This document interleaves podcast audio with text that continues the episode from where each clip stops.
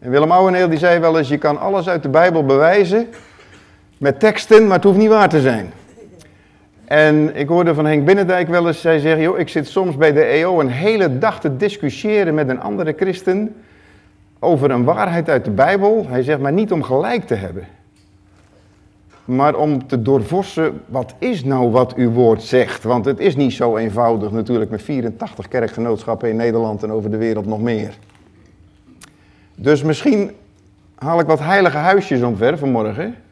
En dan nodig ik u uit om een afspraak met mij te maken om daar eens met de Bijbel in de hand gewoon eens te onderzoeken wat zegt de Bijbel daar nou over. Dus voor degenen die een Bijbel hebben, die mogen mij nazeggen, dit is mijn Bijbel. Het levende en blijvende en krachtige woord van God. Als ik geloof wat er staat en als ik doe wat er staat, ontvang ik wat er staat. En ik zal nooit meer dezelfde zijn. In Jezus' naam. Amen. Hou je vast. Hou je vast. Hou je vast, hou je vast, hou je vast. Ja, ik sprak de laatste paar weken een aantal mensen. En ik heb al eerder gezegd dat er iemand uit deze kerk naar een kerk in Rotterdam ging. En die hoorde eigenlijk iets nieuws wat ze nog niet uh, gehoord had hier.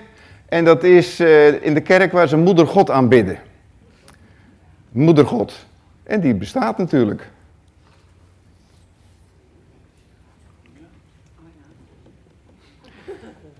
Nou, dat is nog maar de vraag. En de tekst die ze ervoor gebruiken, dat is uh, in het begin schiep uh, God man en vrouw, schiep hij hen, naar zijn beeld en zijn gelijkenis. Dus als het beeld en gelijkenis van God man en vrouw is, dan moet er ook een vrouw God zijn, die we nog nooit ontdekt hebben in het christelijk geloof 2000 jaar, maar die is wel ontdekt in deze kerk. En deze lieve zuster, die aanbidt nu God de moeder. En toen vroeg ik me af, wat voor onderwijs hebben wij in deze kerk eigenlijk? Dat iemand zomaar, Paulus die roept naar de gelaten toe, gelaten, uitzinnige gelaten, wie heeft jullie betoverd? En dan denk ik, hoe kan het zijn dat iemand jarenlang in een kerk gaat en er in één keer een richting uitgaat die in ieder geval volgens mij niet evenwichtig is in de Bijbel? Maar het gebeurt te kust en te keur. Afgelopen week had ik iemand hier in de gebedswinkel en uh, ja, die zegt, ja, maar weet je, voor christenen is rijkdom weggelegd. Want lees maar, Isaac die zaaide en die kreeg honderdvoudig terug. Dus wij horen gewoon rijker en rijker en rijker en rijker te worden ieder jaar. En iemand die ik al heel veel jaren ken. Is dat wat de Bijbel leert? Dat we, maar dan komt er iets bij. Nou, de bedoeling is dat we rijker worden om meer weg te geven. Nou, dat is wel een goede motivatie natuurlijk. Als we rijker zijn, kunnen we meer weggeven. Aan wat geven we dan weg? Ja, aan God natuurlijk. Maar dan gaat het wel via de bediening van degene die de studie geeft. Ja, natuurlijk. Want je geeft, geeft aan God, dus geef je aan zijn kerk, zijn bediening enzovoort. Dan denk je, ja, is dat zo dat als wij maar aan de kerk geven, geven van God? Nou ja, als je hart ervoor is, is dat natuurlijk voor het koninkrijk van God. Maar ik zie in de wereld, en ik zal dadelijk wat namen noemen, dat is altijd gevaarlijk. Ik doe dat niet graag. Ik bouw liever dan dat ik soms confronterend ben. Ik laat wat namen zien want van mensen die, waar ik best veel van geleerd heb. Dus die kraak ik niet af. Maar ik wil het wel in een breder context zien van wat er gepreekt wordt. En deze broeder die van de week hier was, hij zegt als je dus geld tekort komt, is jouw geschuld. Want dat betekent dat je niet genoeg gelooft. En als je ziek bent, is het jouw schuld, want je hoort gewoon gezond te zijn. Nou, een getuigenis gehoord? Zeker. God geneest. God geneest. God is almachtig. Maar God geneest niet altijd. En God geneest niet iedereen. Zelfs Jezus geneest niet iedereen. Maar ik zie wel ook in onze kerk en, en daarbuiten en links en rechts allerlei theologieën eronder doen in de wereld. Die gelukkig, moet ik zeggen, van een paar mensen die ik hoog heb staan, denk ik, hè, ze komen weer met hun benen op de grond staan. Gelukkig, er is wat gebeurd in hun leven en ineens de theologie die ze 10, 20, 30, 40 jaar volgehouden hebben, blijkt als een ballon doorgeprikt te zijn.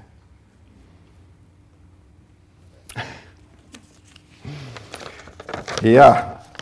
En een van de theologieën die de wereld doorgaan is, mag ik het volgende plaatje, oeh, kan je het lezen? Prosperity Gospel. Daar geloofde deze broeder afgelopen week in. Nou loop ik al een poosje mee op deze wereld. En toen ik jong was, misschien kennen sommigen het. Danny was er, geloof ik, Danny. Ja, je bent er. Anthony Robbins ken je wel, hè? Ja. Zeker. ja. Nou, wat ik van Anthony Robbins geleerd heb, hij heeft een boeken geschreven, Unlimited Power. Dat betekent ongekende kracht. Ja, als je het gelooft.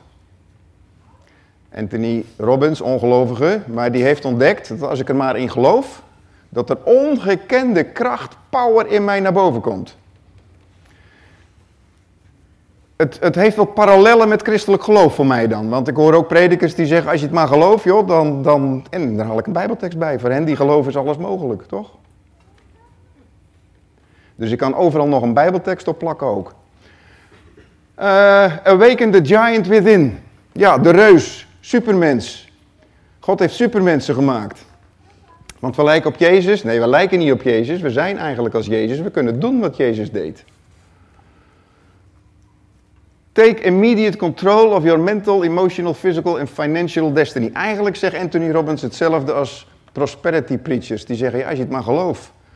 Als ik, uh, fijn Danny en ik hebben samen verkooptrainingen gegeven. En ik heb ook andere cursussen gevolgd op verkoop. En wat doet de verkoper? Die gaat s morgens voor de spiegel staan. En dan zegt hij, jij bent de beste verkoper er is. Geloof in jezelf. En als je nou gaat geloven, ik ga naar binnen, ik kom met de orde terug. En als ik dat nou proclameer en, en echt zeg, dan, dan uh, ja, als ik niet met de orde terugkom, dan geloof ik niet genoeg. Dus helaas zie ik, zie ik, maar u mag er anders over denken. Ik nodig u uit om met mij daarover te praten. En gewoon de Bijbel ernaast te leggen en zeggen, wat zegt de Bijbel nou over die dingen? Maar als een verkoper maar hard genoeg gelooft dat hij de orde binnenhaalt, haalt hij de orde binnen. Nou geloof ik natuurlijk ook wel dat als je allemaal zegt, nou het zal wel niet lukken hoor, ik ben een mislukkeling, het zal wel niet gaan en och, och, ik tobbert. En je straalt dat uit naar de inkoper. Nou, dan zou je een beetje misschien uitstralen, het zal wel hmm, niet gaan. Dus tot op zekere hoogte is dat nog waar ook. Als ik maar zelfvertrouwen heb, dan, dan scoor ik meer. Maar ik zie wel heel veel parallellen met wat wij een geestelijke sticker opplakken. Dat als ik nou maar genoeg geloof, en natuurlijk is het zo. Als ik me niet lekker voel en ik zeg, kom op had, hup, er tegenaan. En ik eh, neem eventjes wat citroensap en dan zal het wel weer beter gaan. 9 van de 10 keren gaat het ook beter. Want we hebben ook nog een placebo-effect in ons lichaam. Weet u dat? Als ik naar iets heb en ik ga naar de dokter en ik krijg een pilletje en ik geloof echt in dat pilletje. Nou, 9 van de 10 keer genees ik. Nee, het werkt. Oeh, toen was het stil. Dus ik schop even nog wat meer heilige huisjes om. Kenneth Copeland. Kent iemand die? De grondlegger van de Prosperity. Heeft drie straalvliegtuigen, heeft hij nodig natuurlijk. Heeft een vliegveld bij zijn huis. Zijn huis aan een heel mooi groot meer van 15 miljoen dollar. Kijk, de leer is, en ik volg zo wat van prosperity uh, onderwijs, dat als ik nou zaai, ik moet zaaien in het koninkrijk. En als ik zaai in het koninkrijk, nou dan krijg ik honderdvoudig terug. Er zit natuurlijk allemaal een kern van waarheid in, want de Bijbel die zegt zaai en je zal oogsten. Geef en je zal gegeven worden. Dus er zitten allemaal kernen van waarheid in. En als ik nou maar een paar Bijbelteksten ken, dan denk ik, dit is echt Bijbels onderwijs.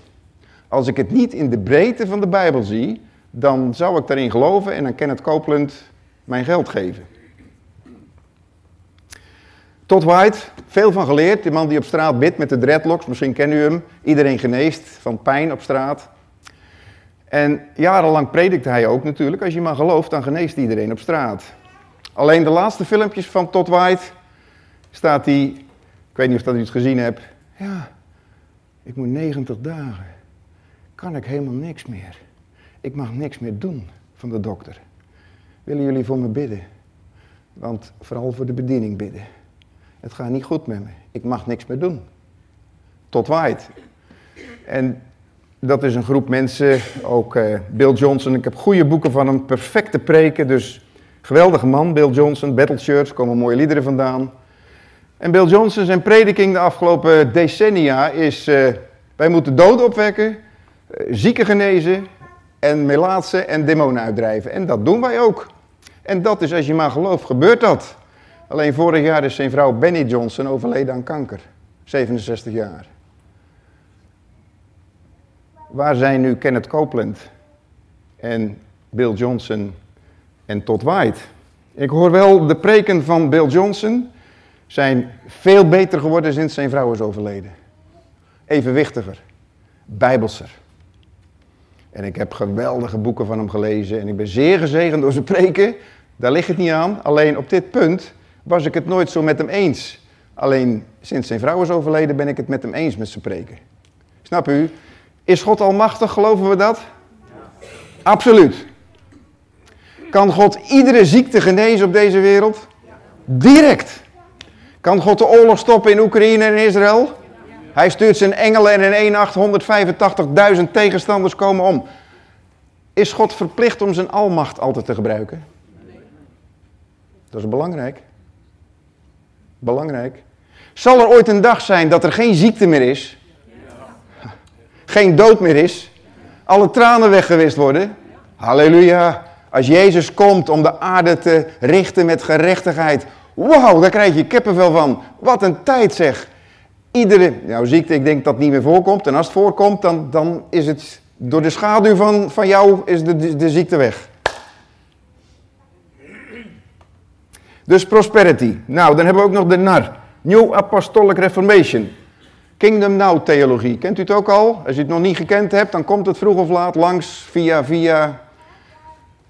Kingdom Now betekent de leer, het koninkrijk is nu. De kerk is het koninkrijk. Is dat zo? Ja, een deel van het koninkrijk. Want het koninkrijk is veel breder dan de kerk. Het koninkrijk is, is in ziekenhuizen, is in, in melaatse, lepra-kolonies. Het koninkrijk is waar jullie allemaal naar huis gaan. Overal als je bij de bakker en de slager staat en je bent eerlijk.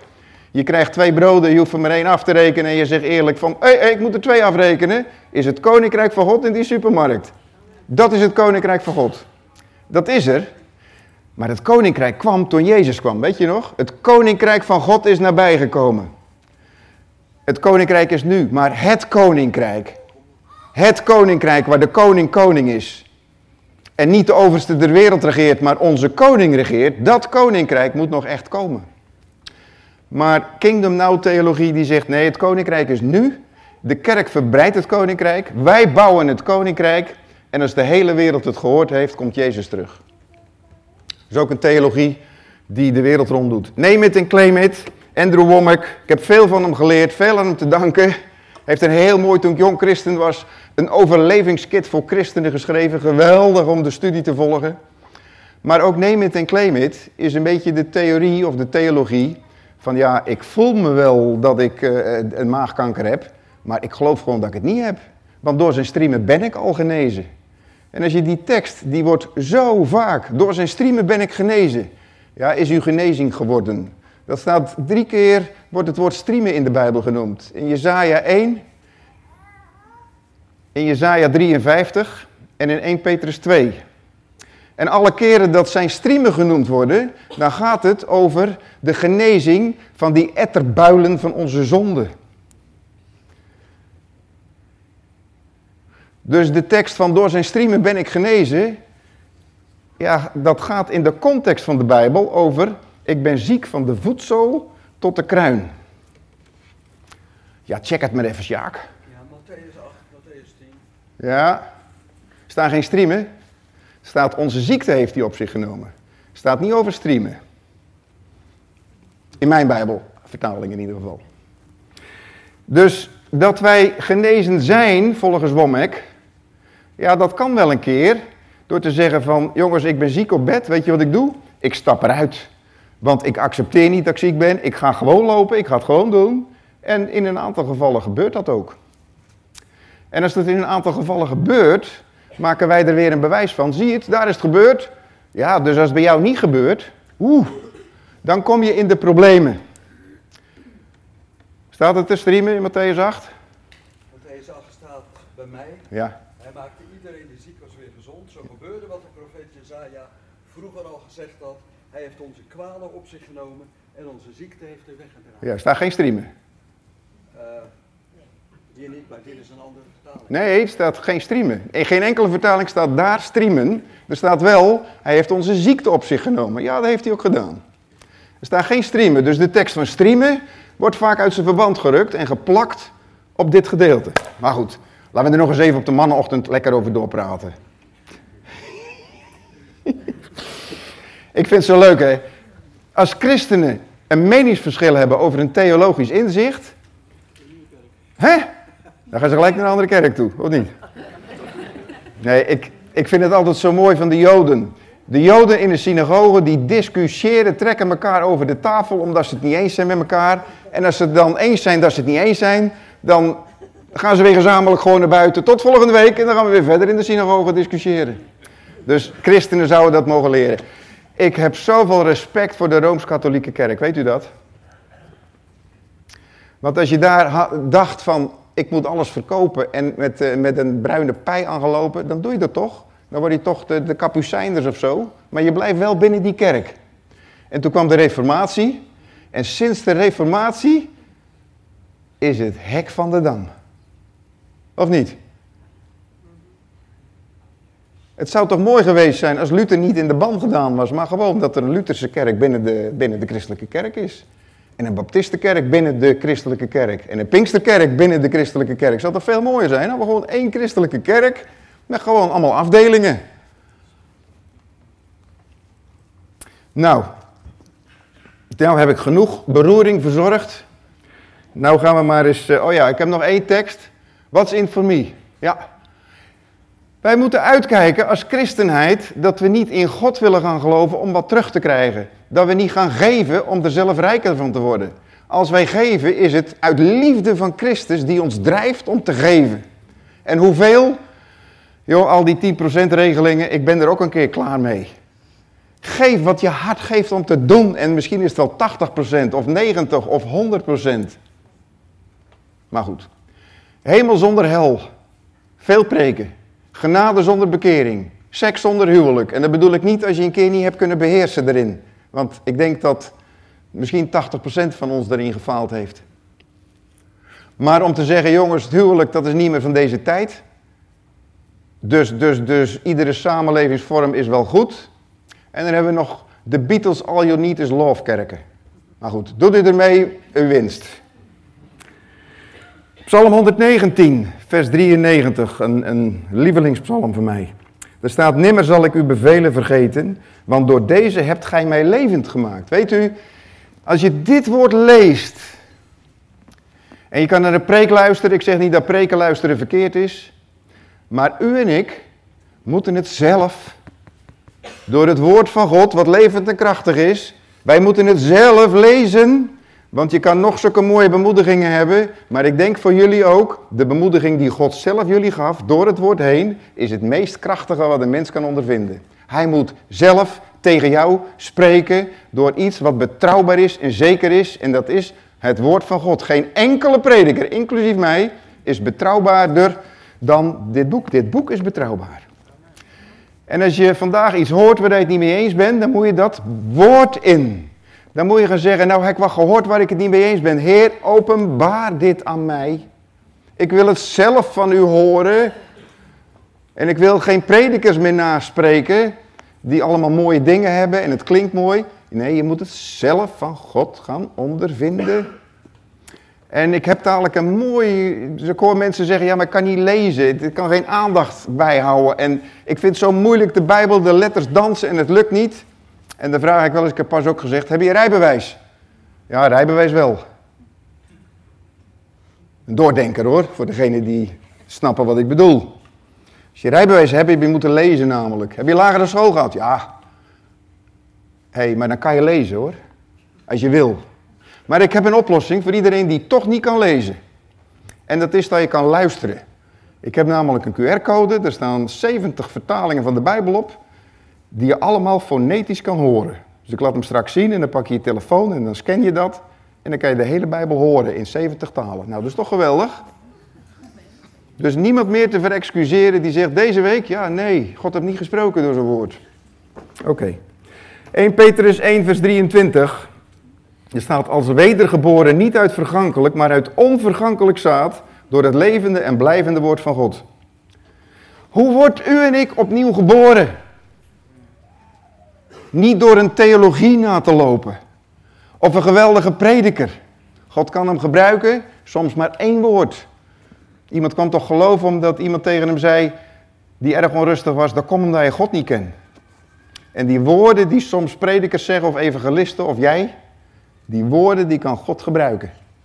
Maar dit boek is zijn manier om al 2000 jaar, 2000 jaar over de hele wereld het spoor in het midden te houden. Maar al die kerken en kerkgenootschappen blijkt wel dat het moeilijker is dan wij denken. Dus laten we niet denken dat wij het wiel uitgevonden hebben hier.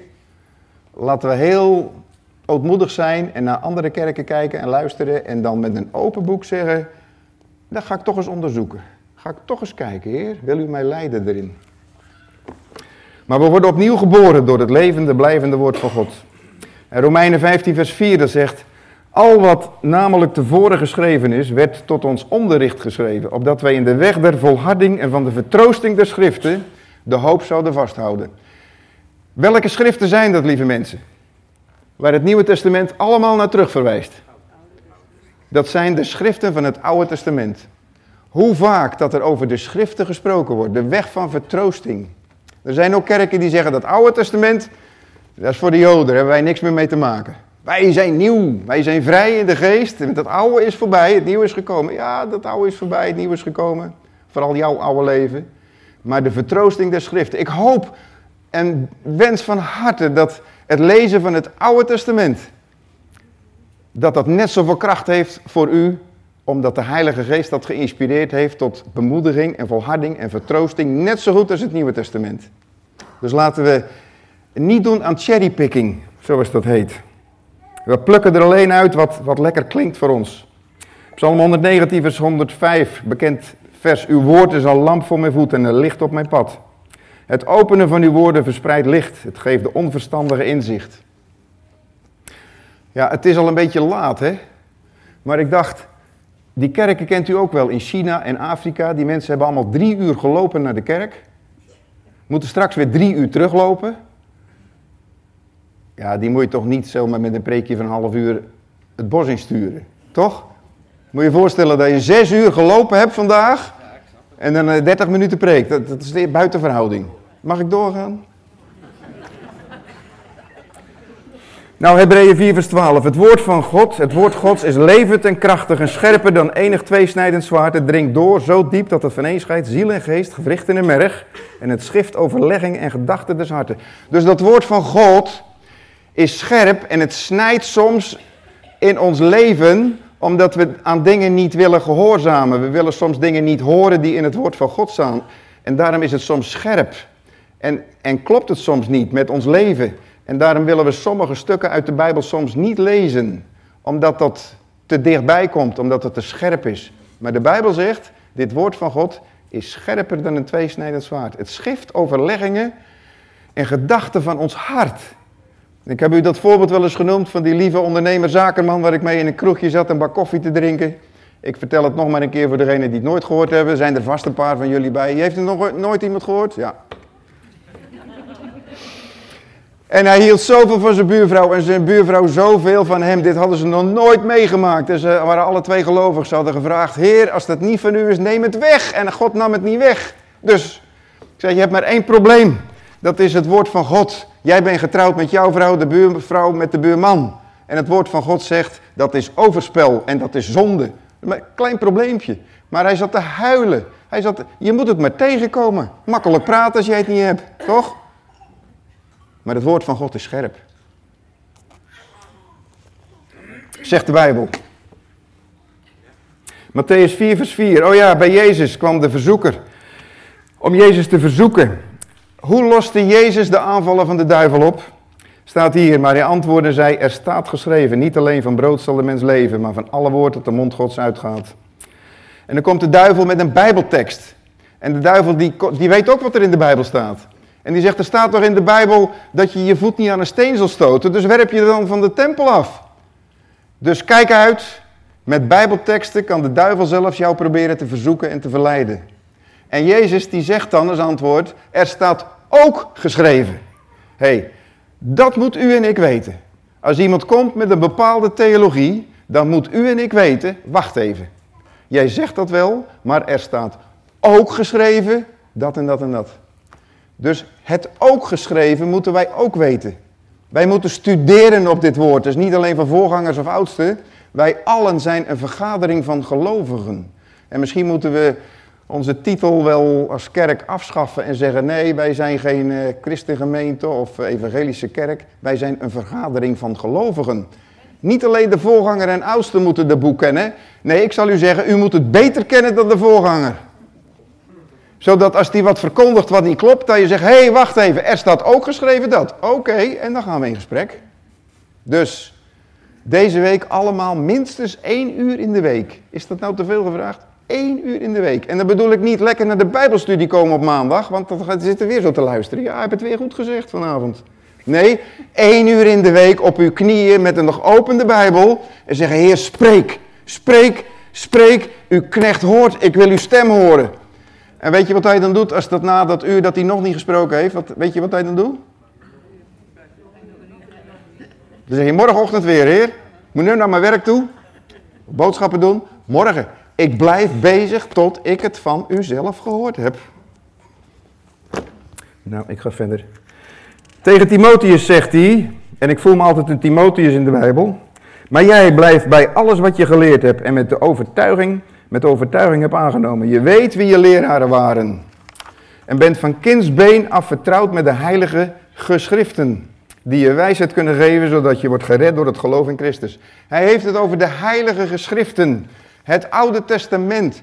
Kunt u al uit het Oude Testament laten zien dat mensen in Jezus moeten geloven? Dat is de bedoeling. Uit het Oude Testament, uit de geschriften laten zien hoe we gered worden door Jezus Christus. De Messias, de verlosser van Israël, de bevrijder. En oh, dat volk Israël. Door de geschiedenis heen, 2000 jaar. En ze maken het er zelf soms naar. Nee, soms. God die zegt, ik heb je uitgekozen, niet omdat je zo vroom bent, niet omdat je zo goed bent, niet omdat je zo gehoorzaam bent. Het is Gods genade die mensen uitgrijpt uit deze wereld, ook het volk Israël. En als Jezus terugkomt, wanneer alle volken Israël aan zullen vallen in het einde der tijden, wanneer ze zullen roepen om hun Messias, dan komt Jezus Christus, onze verlosser, hun verlosser, om te redden het volk van Israël. En heel het volk van Israël die zegt, Jezus, u bent het toch. Een zucht naar boven. En ze zullen allemaal gered worden. Met een zucht naar boven. Dat geldt niet alleen voor de Joden, het geldt voor de hele wereld. Dat ze zien, Jezus is de verlosser. Nou, vers 16 zegt, elke schrifttekst is door God geïnspireerd. Elke schrifttekst. En sommige mensen zeggen wel eens, ja, ja dat is maar Jezaja, joh, of dat is Paulus. Paulus die had het toch ook wel eens mis? Petrus had toch ook wel eens mis? Moest toch gecorrigeerd worden door Paulus? Elk schriftwoord is geïnspireerd door de Heilige Geest. Dus we hebben hier een boek in handen wat goddelijk geïnspireerd is. Daarom moet je ook je geest openen om te snappen wat er staat. Als u met uw menselijk hart dat boek leest, blijft het gesloten. Dus daarom moet je altijd eerst naar God gaan en zeggen: Heilige Geest, openbaar, haal dat boek weg. Ik wil snappen wat u bedoeld hebt. Dankzij de heilige boeken kan een leider van de kerk zijn taak uitvoeren en veel goede dingen doen. Edwin? Dankzij de heilige boeken. Ja, ja, lezen, veel lezen. 2 Timotheus 4 vers 1, bijna rond hoor. Ik roep je dringend op ten overstaan van God en van Christus Jezus, die zal oordelen over de levenden en de doden. Ik bezweer je bij zijn komst en heerschappij. Verkondig de boodschap, blijf aandringen, of het nu uitkomt of niet. Wijs terecht, straf, vermaan met alle geduld dat het onderricht vereist. Nog een keer lezen. Ja, ik heb een preek eigenlijk voor Edwin geschreven, snap je wel? Hè? Verkondig de boodschap. Blijf aandringen. Of het nu uitkomt of niet. Wijs terecht. Moeilijk als voorganger. Voor ouders ook moeilijk soms. Altijd goed te doen. Straf, dat doen we niet meer. Tucht. Oh ja, ook waar gemeentes op scheuren. Ik zal nog wel. Op tucht in de kerk. Oeh. Maar het staat er wel. Vermaan met alle geduld dat het onderricht vereist. Want er komt een tijd, nou komt hij, let op. Dat de mensen de heilzame leer niet meer verdragen, maar leraren om zich heen verzamelen die aan hun verlangens tegemoet komen en hen naar de mond praten. Ze zullen niet meer naar de waarheid luisteren. We moeten uitkijken, ook als christen, dat we niet alleen maar luisteren naar voorgangers waar dan we het helemaal mee eens zijn. De afgelopen 16 jaar zijn hier heel veel gastsprekers geweest. En heel veel gastsprekers waar ik het op delen van tevoren al niet mee eens was.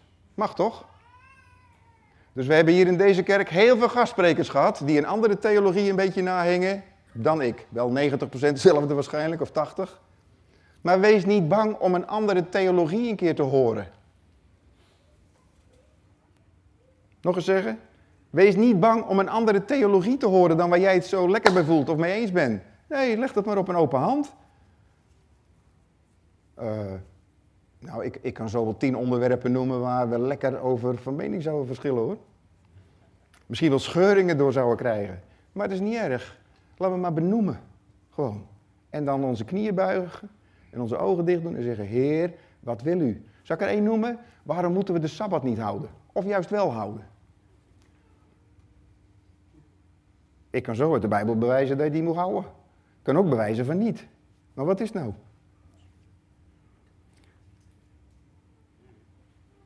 Manochtend, leuke discussie voor me. Nou ja, maar zorg ervoor dat je een keer geprikkeld wordt door predikers die jou prikkelen. In plaats van altijd maar amen, amen, amen, zijn we het allemaal eens. Het is gevaarlijk, als ik veel amens hoor, dan, dan nou ja, af en toe dan mag dat even jeuken en schuren. En ja, wat zegt hij nou toch weer? Even nakijken hoor. Jij echter moet in alles nuchter zijn. Je lijden aanvaarden, je werk als verkondiger van het evangelie doen, je dienende taak vervullen. Ik kom snel naar je toe. Tot die tijd zijn dit je belangrijkste taken. Let op. Voorlezen uit de heilige boeken. Vertellen dat iedereen moet doen wat erin staat. En uitleg geven over het geloof. Nou, dat is gelijk functiebeschrijving van de voorganger. maar dat geldt niet alleen maar voor voorgangers, lieve mensen. Deze regel mogen we ons allemaal aantrekken. Als je een gezin hebt, als je een man hebt, als je een vrouw hebt, als je ouders hebt, wat doe je dan? Voorlezen uit de heilige boeken, vertellen dat iedereen moet doen wat erin staat en uitleg geven over het geloof. Zullen we dat als huiswerk meenemen? Ja, nee. Zal, zal ik het heel dichtbij brengen? Ik kom het heel dichtbij brengen. Dus komende week gaan wij aan iemand voorlezen. Allemaal. Ja, we hebben liever dat iemand ons voorleest, toch? Of niet? Zo, ja, nou, dat heb je goed Ja, ja, preekje luisteren. U kent dat verhaal toch, hè? We dronken een glas, we deden een plas en alles bleef zoals het was. Nee, deze week is er onrust in de kerk. Want we gaan allemaal bidden, Heere God. Oh, uh, ik hoor net dat Nathalie, jij gaat zaterdag hier de straat op. Waarschijnlijk met Danny. Om mensen van Jezus te vertellen in Steenbergen. Ja, dus jullie mogen kiezen deze week. Je gaat of allemaal met uh, Nathalie en Danny mee, de straat op, gewoon vertellen dat, dat, dat God van zijn mensen houdt, toch? Dat is de kern. Of volgende week, dan is het hier in de kerk, ja, dan zijn wij er niet gelukkig. Maar dan is het schriftelijke overhoring van tegen wie jullie nou iets voorgelezen hebben wat hier staat. Doen wat erin staat. Oh ja, voorlezen uit de heilige boeken. Laten we daar eens mee beginnen. Heer, aan wie mag ik het voorlezen? Mijn broer, mijn zus? Heb je even tien minuten? Ik kom even wat voorlezen. Als je dat nou van plan bent, dan voelen jullie de spanning is van de voorganger die zaterdags nog niet weet waar dat hij zondags over moet preken. Dan ga je op je knieën zeggen, Heere God, geef mij een boodschap die ik aan een ander mag vertellen. Dus ja, wat voor nut heeft het anders om te preken? Wat voor nut heeft het anders om naar de kerk te gaan als je er niks mee doet?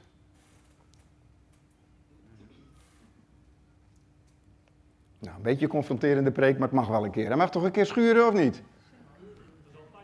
Oh, is altijd bij mij.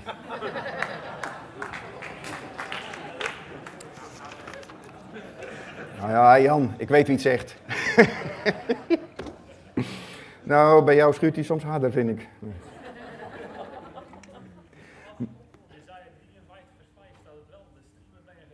Ja, Isaiah 53. Ja, ja. 53 vers 5. Oké. Dank je, Jan. Uh, Ja, maar in de context, Jan. Ik zei, het staat er wel. Het staat er drie keer in. In 1 Petrus 2 ook. En in Jezaja 1 ook. Het staat er wel. Maar dan moet je de context lezen, Jan. Niet alleen dat vers.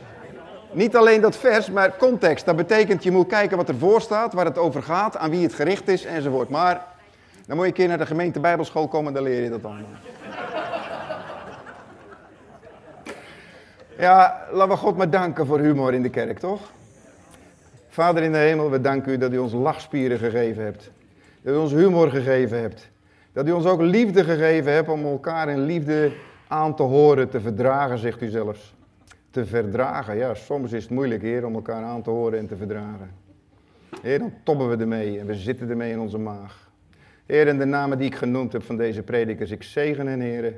En ik dank u ook voor het onderwijs wat ik zelf genoten heb, Heer. Van Andrew Womack, van Bill Johnson, van uh, Todd White.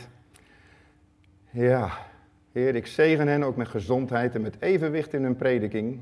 En dat ze nog vele mogen toebrengen tot u, tot de redder en de Messias en de Verlosser. Ik bid ook, Heer, voor al die kerken en al die broeders en zusters die het geloof hebben in het geloof. Als ik maar genoeg geloof, dan gaat het wel gebeuren. Maar ik bid ook voor al diegenen die teleurgesteld zijn, die niet genezen, die niet rijk worden. Die dan aan zichzelf gaan twijfelen. Ja, ik geloof ook niet genoeg. Bid ook niet genoeg. Altijd met de schuld weer naar huis gaan. Heere God, openbaar uw woord, Heer. Geef het evenwicht erin. En geef ons honger naar het woord. Honger om uw woord te lezen, maar honger om u te ontmoeten in dat woord. Zegen ons de komende week. In het luisteren, in het vertellen, in het voorlezen. In Jezus' naam. Amen.